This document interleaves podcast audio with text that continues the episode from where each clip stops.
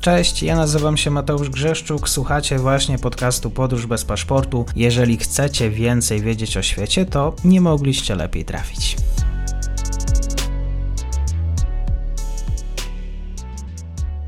Dzień dobry wszystkim e, słuchaczom. Mam wielką przyjemność po raz pierwszy gościć na kanale. Jest ze mną dr Tomasz Morozowski e, z Instytutu Zachodniego. Bardzo mi miło. Dzień dobry, panie doktorze.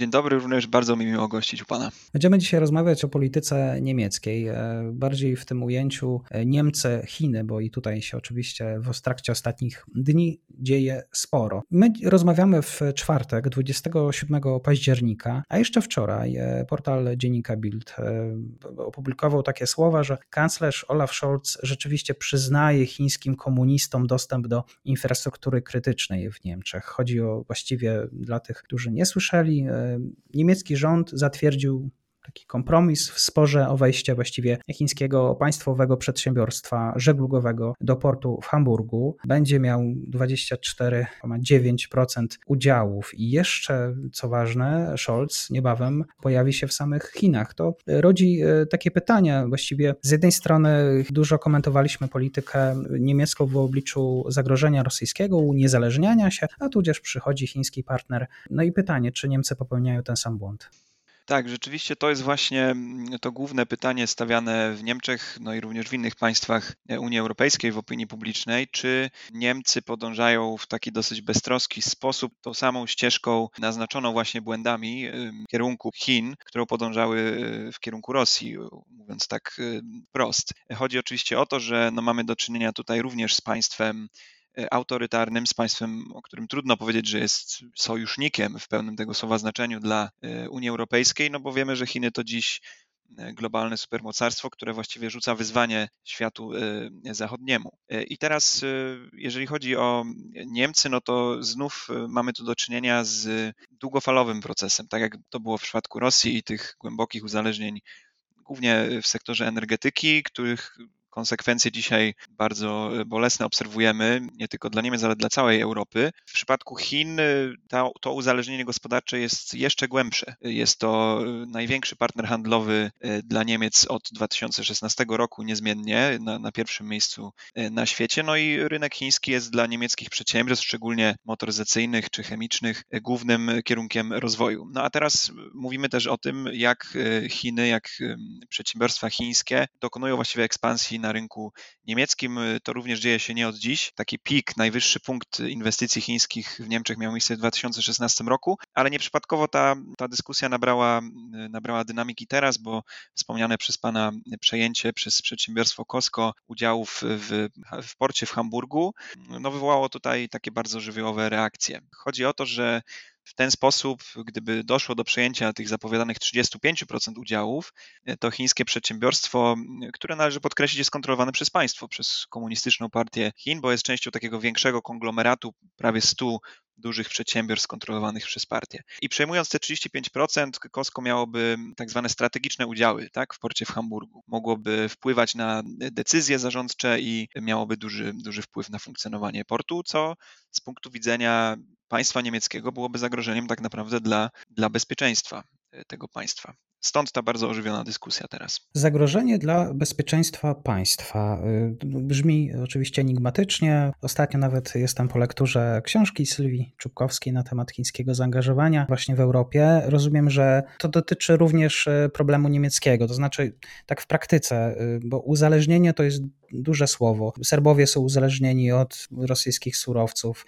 My byliśmy dotychczas uzależnieni również od rosyjskich surowców. Państwa cały czas wchodzą w jakieś korelacje, Oczywiście wymiana handlowa, mówi się nawet o swego rodzaju uzależnieniu polskiej gospodarki od niemieckiej. Czesi mają y, podobne problemy w obliczu niektórych sektorów. Zagrożenie chińskie, czym jest w tej wersji niemieckiej? Chodzi o samą kontrolę?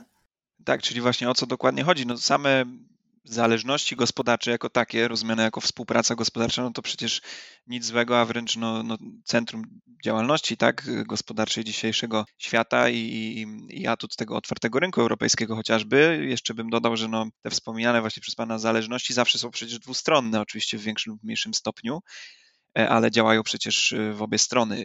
No niestety przy, w przypadku Chin musimy jednak brać pod uwagę ten aspekt właśnie charakteru polityki tego państwa, tak, i tego, że że dla Chin powrót na tę pozycję właśnie tego globalnego supermocarstwa i, i wręcz zmiana porządku globalnego we wszystkich jego aspektach. I tu mówimy nie tylko właśnie o, o kwestiach demokracji, tak, ustroju czy, czy podchodzenia do praw człowieka, ale też właśnie kwestiach regulacji chociażby współpracy gospodarczej czy handlowej. No i, i stąd y, to zagrożenie. Chodzi o to, że już mówiąc tak na przykładach, jeżeli chińskie przedsiębiorstwo, które robi to, co życzy sobie komunistyczna partia Chin, kontroluje na przykład sieci telekomunikacyjne lub jakąś jej ważną część w państwie europejskim, czyli dajmy na to w Niemczech, lub kontroluje mm, sieci energetyczne, lub chociażby, wracając do przykładu Hamburga, ma duży dostęp do informacji na temat funkcjonowania tego bardzo ważnego portu, który pełni również Y, wojskowe, tak? To nie jest tylko port komercyjny i handlowy, no to y, wówczas powstaje pytanie, w jaki sposób władze mogą z takich informacji korzystać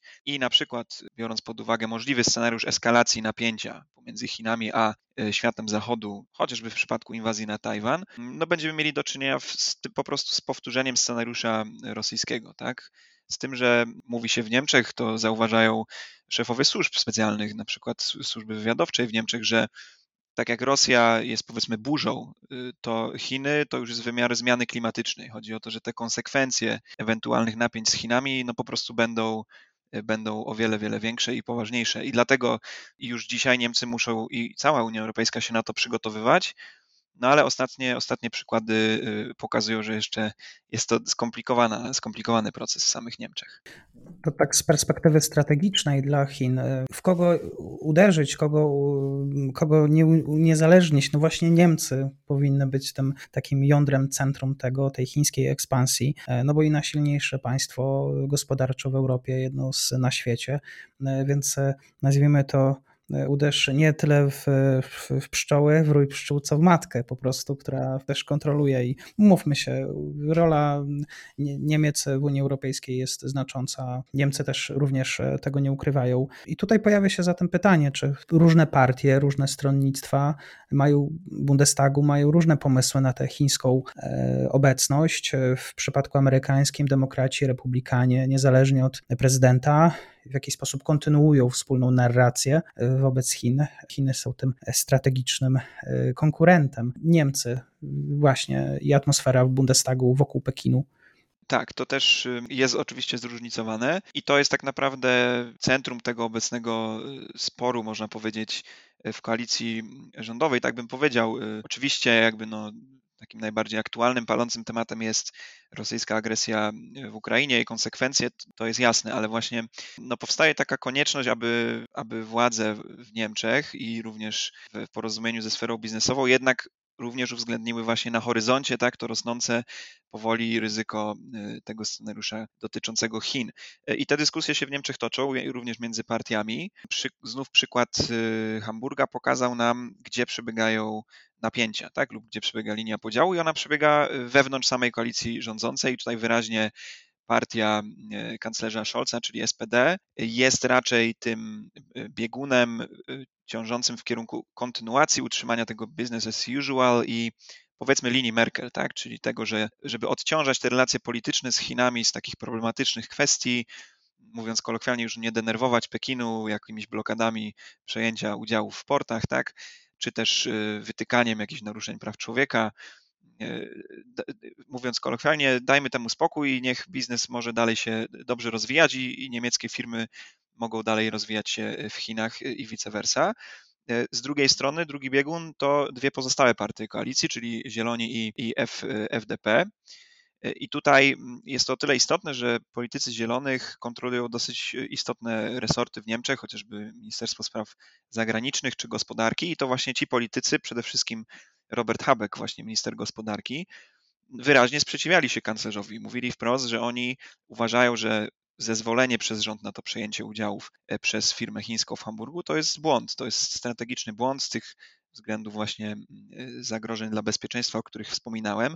Co więcej, takie zdanie podzielała właśnie trzecia koalicyjna partia, liberałowie, oraz y, takie ostrzeżenia formułowały też y, służby bezpieczeństwa w Niemczech, a także sama Komisja Europejska. Więc widzimy, że ze wszystkich stron tak naprawdę było, były przeciwne sygnały, których kanclerz Scholz zdecydował się no, no nie wysłuchać i tak naprawdę postawił na swoim w tej konkretnej kwestii, chociaż przejęcie zostało zaakceptowane w mniejszej formie niż było to ustalone na początku, czyli zamiast tych 35% tylko 24,9, co wspomniał Pan tą liczbę na początku i dlaczego ona jest ważna, bo to 0,1% y, dałoby firmie Costco właśnie to, ten wpływ na decyzje strategiczne y, zarządu, y, spółki zarządzającej portem, więc o ten mały, mały procent brakuje i jak zapowiedział kanclerz, jakiekolwiek kolejne przejęcie udziałów czy zwiększenie tego właśnie udziału przez Chińczyków będzie wymagało kolejnej procedury sprawdzania. No więc wracając do tych napięć, rzeczywiście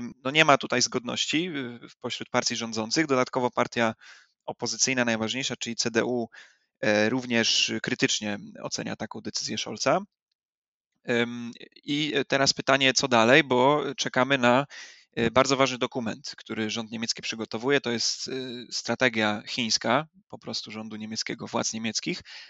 Pierwszy taki dokument w historii, bo Chiny raz zawsze były raczej częścią szerszej tak, strategii polityki zagranicznej Niemiec. Tutaj będzie dokument dedykowany tylko Chinom. No i teraz pytanie, jaki on przybierze kształt, bo ma on według zapowiedzi właśnie polityków zielonych, mm, chociażby y, minister spraw zagranicznych Annaleny Baerbock, stanowić takie zerwanie z tą dotychczasową naiwnością, to są jej słowa, w polityce niemieckiej wobec Chin, odejście od tej linii Merkel.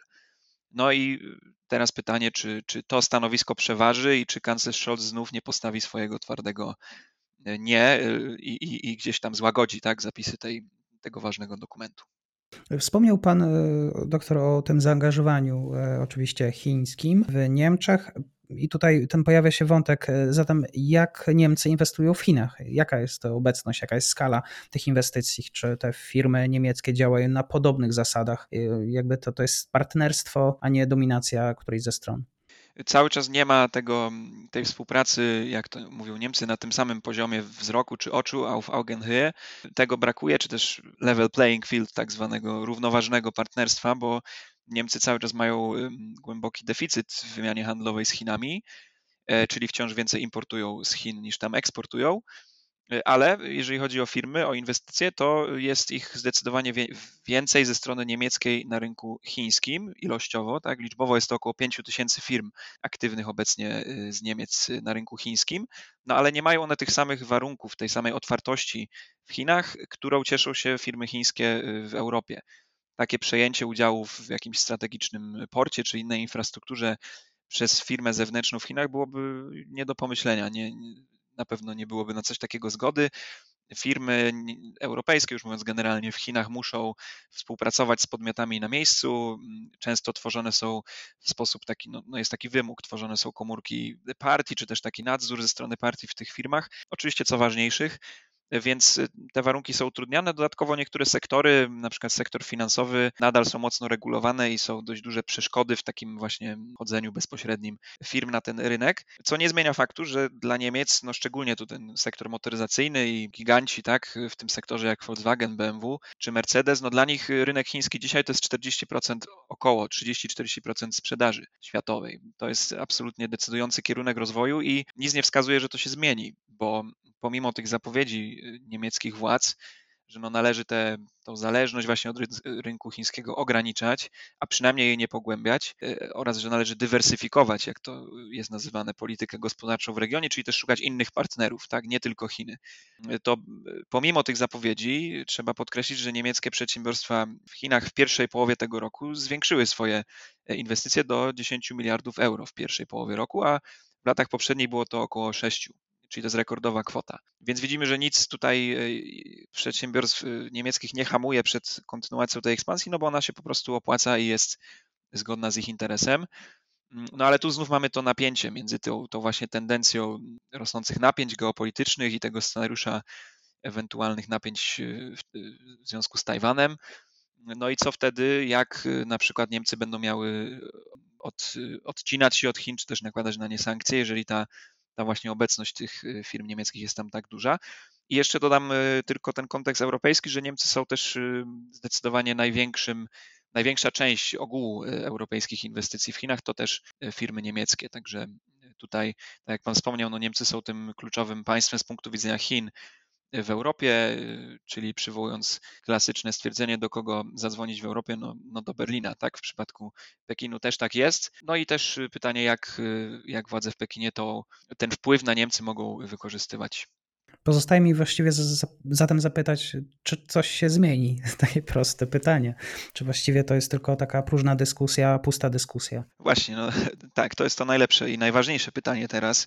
No, z, z takiego racjonalnego punktu widzenia wydawałoby się, że ta nauczka i, i, i po prostu ta, to ukazanie powagi tych błędów tak, popełnionych w polityce rosyjskiej, znaczy wobec Rosji ze strony Niemiec, no po prostu musi stać się właśnie nauczką. Musi, wydawało się, że no nie ma takiej możliwości, żeby władze niemieckie nie wyciągnęły z tego odpowiednich e, wniosków. E, no i po części tak jest, bo, bo trzeba podkreślić, że, e, że pewne zmiany zachodzą w stanowisku ogólnie patrząc na rząd niemiecki, wspomniane partie zielonych, czy też FDP, więc ten, ta retoryka się na pewno zaostrzyła i, i na pewno są po prostu ważne głosy w Niemczech, które wskazują, że no coś się musi zmienić, tak? że, że nie może być kontynuowane właśnie tak, y, tak bezwarunkowa współpraca z Chinami, że muszą być postawione pewne warunki. No ale mamy tą przeszkodę w postaci dosyć konsekwentnie podtrzymywanego, y, żeby nie użyć słowa upartego stanowiska ze strony kanclerza. To rzeczywiście no w Niemczech komentarze też ekspertów, już nie mówiąc o tych prasowych, które są oczywiście też takie bardziej y, bezpośrednie, emocjonalne, ale również takie środowiska eksperckie, no wręcz z takim niedowierzaniem spoglądały na tę kwestię właśnie tego portu, y, portu w Hamburgu. Więc wydaje mi się, że ciężko będzie kanclerzowi Scholzowi utrzymać y, to właśnie niezmienne stanowisko, tak jak również kanclerz Merkel pod koniec swojego urzędowania była właściwie takim ostatnim bastionem, y, tak bym to ujął, tego bardzo przyjaznego właśnie biznesowego podejścia do Chin, które oczywiście w ciągu 16 lat jej rządów przyniosło Niemcom wiele korzyści i było z punktu widzenia interesu narodowego słuszne no ale już jest nieadekwatne tak, do zmieniających się okoliczności i dlatego no, chciałoby się powiedzieć, że musi, musi y, to ulec zmianie i z punktu widzenia całej Europy, no w tym również Polski, bo nasze gospodarki to system naczyń połączonych i to nie tylko mam na myśli Niemcy, ale też Chiny, to wszystko się przecież łączy w łańcuchach dostaw, to również z naszego punktu widzenia no, y, większy realizm i, i mniejsza naiwność byłaby tutaj y, konieczna ze strony Niemiec. Można było powiedzieć, że zwykle człowiek nie wchodzi dwa razy do tej samej rzeki. W przypadku niemieckim, e, no chyba przez Hamburg e, przepływa Łaba, więc Niemiec wchodzi dwa razy do tej samej Łaby. Tak, a przynajmniej nie, nie wychodzi na razie zbyt zdecydowanie. Może na zakończenie, bo oczywiście pojawia się kwestia wokół Tajwanu, ale pytanie o relacje chińsko-niemieckie to też pytanie o relacje amerykańsko-niemieckie. W jaki sposób, czy dzisiaj ta siła oddziaływania e, Waszyngtonu na Berlin jest tak duża, że może się dokonać jakaś zmiana. Oczywiście Amerykanie są świadomi, jak bardzo jest to współpraca korzystna, po prostu korzystna dla Berlina, aczkolwiek tutaj pytanie, co mają do zaproponowania kontrpropozycja ze strony amerykańskiej, no bo mówmy się, ten świat wartości to, to czasami tylko po prostu słowa. Tak, chociaż słowa, które pewnie należałoby uczynić takim wyznacznikiem, tak? Jakiejś takiej szerzej pojętej polityki, przynajmniej w ramach tej rywalizacji geopolitycznej, która teraz narasta, ale to oczywiście szerszy temat. Natomiast jeżeli chodzi o stosunki y, amerykańsko-niemieckie, to tutaj jakby no punkt wyjścia jest dosyć zbieżny. Oba państwa oczywiście opowiadają się za utrzymaniem status quo. Jeżeli chodzi o Tajwan, unikaniem eskalacji napięcia, to jest jasne. No oczywiście Pekin widzi to inaczej i raczej nie ma tutaj dla strony chińskiej znaczenia to, to stanowisko, więc jeżeli chodzi o, y, o, administrację amerykańską, no to tutaj prezydent Biden troszkę bardziej takim życzliwym okiem, może spo, można tak to ująć, spoglądał na, na to, że każde państwo europejskie prowadzi własną politykę wobec Chin, wyraził takie zrozumienie, również Antony Blinken, była taka wizyta na początku roku w Europie, gdzie powiedział, że no y, właśnie rozumieją to tak, że każde państwo prowadzi własne interesy, więc w pewnym sensie jest na to, jest to y, jest zrozumienie po stronie amerykańskiej, no ale na pewno do czasu i, i z pewnymi granicami bo jeżeli przyjdzie konieczność sankcjonowania Chin, to tutaj na pewno presja ze strony Waszyngtonu również na Niemcy będzie wzrastać. No i dlatego też y, słusznym byłoby raczej właśnie poszerzanie sobie pola manewru tak, ze strony państw europejskich na taki, na taki scenariusz. No bo y, na pewno y, trudno kłócić się ze stwierdzeniem, że jakby w, w polityce wobec Chin, czy też w rywalizacji z Chinami, bo dla Stanów Zjednoczonych Chiny to już jest właściwie taki główny rywal w polityce zagranicznej, globalnej, no to w tej, w tej rywalizacji no, Europa i Ameryka stoją po, po jednej stronie, prawda? Więc tutaj zdecydowanie poszukiwanie wspólnego stanowiska jest, jest konieczne ciężki bagaż e, właściwie, jeżeli chodzi o niemiecką politykę. Jeszcze właściwie za Eli Merkel. E, Merkel chciała takiego rozbratu z Chinami, ale plany koncernów niemieckich też to jest zupełnie inna droga. Mówi się o tym, że właściwie Republika Federalna musi przemyśleć swoje stosunki gospodarcze z Chinami od lat, no ale pytanie i myślę, że główne to jest, czy biznes e, musi umierać za demokrację i przede wszystkim za Tajwan. Dzisiaj o tym również pan dr Tomasz Morozowski, Instytut Zachodni. Jeszcze raz bardzo dziękuję. Bardzo dziękuję. I to już koniec na dzisiaj. Zapraszam na profil podcastu Podróż bez paszportu na Facebooku, Instagramie i Twitterze. Zachęcam też do wsparcia mojej pracy na serwisie Patronite oraz Buy Coffee. Do usłyszenia.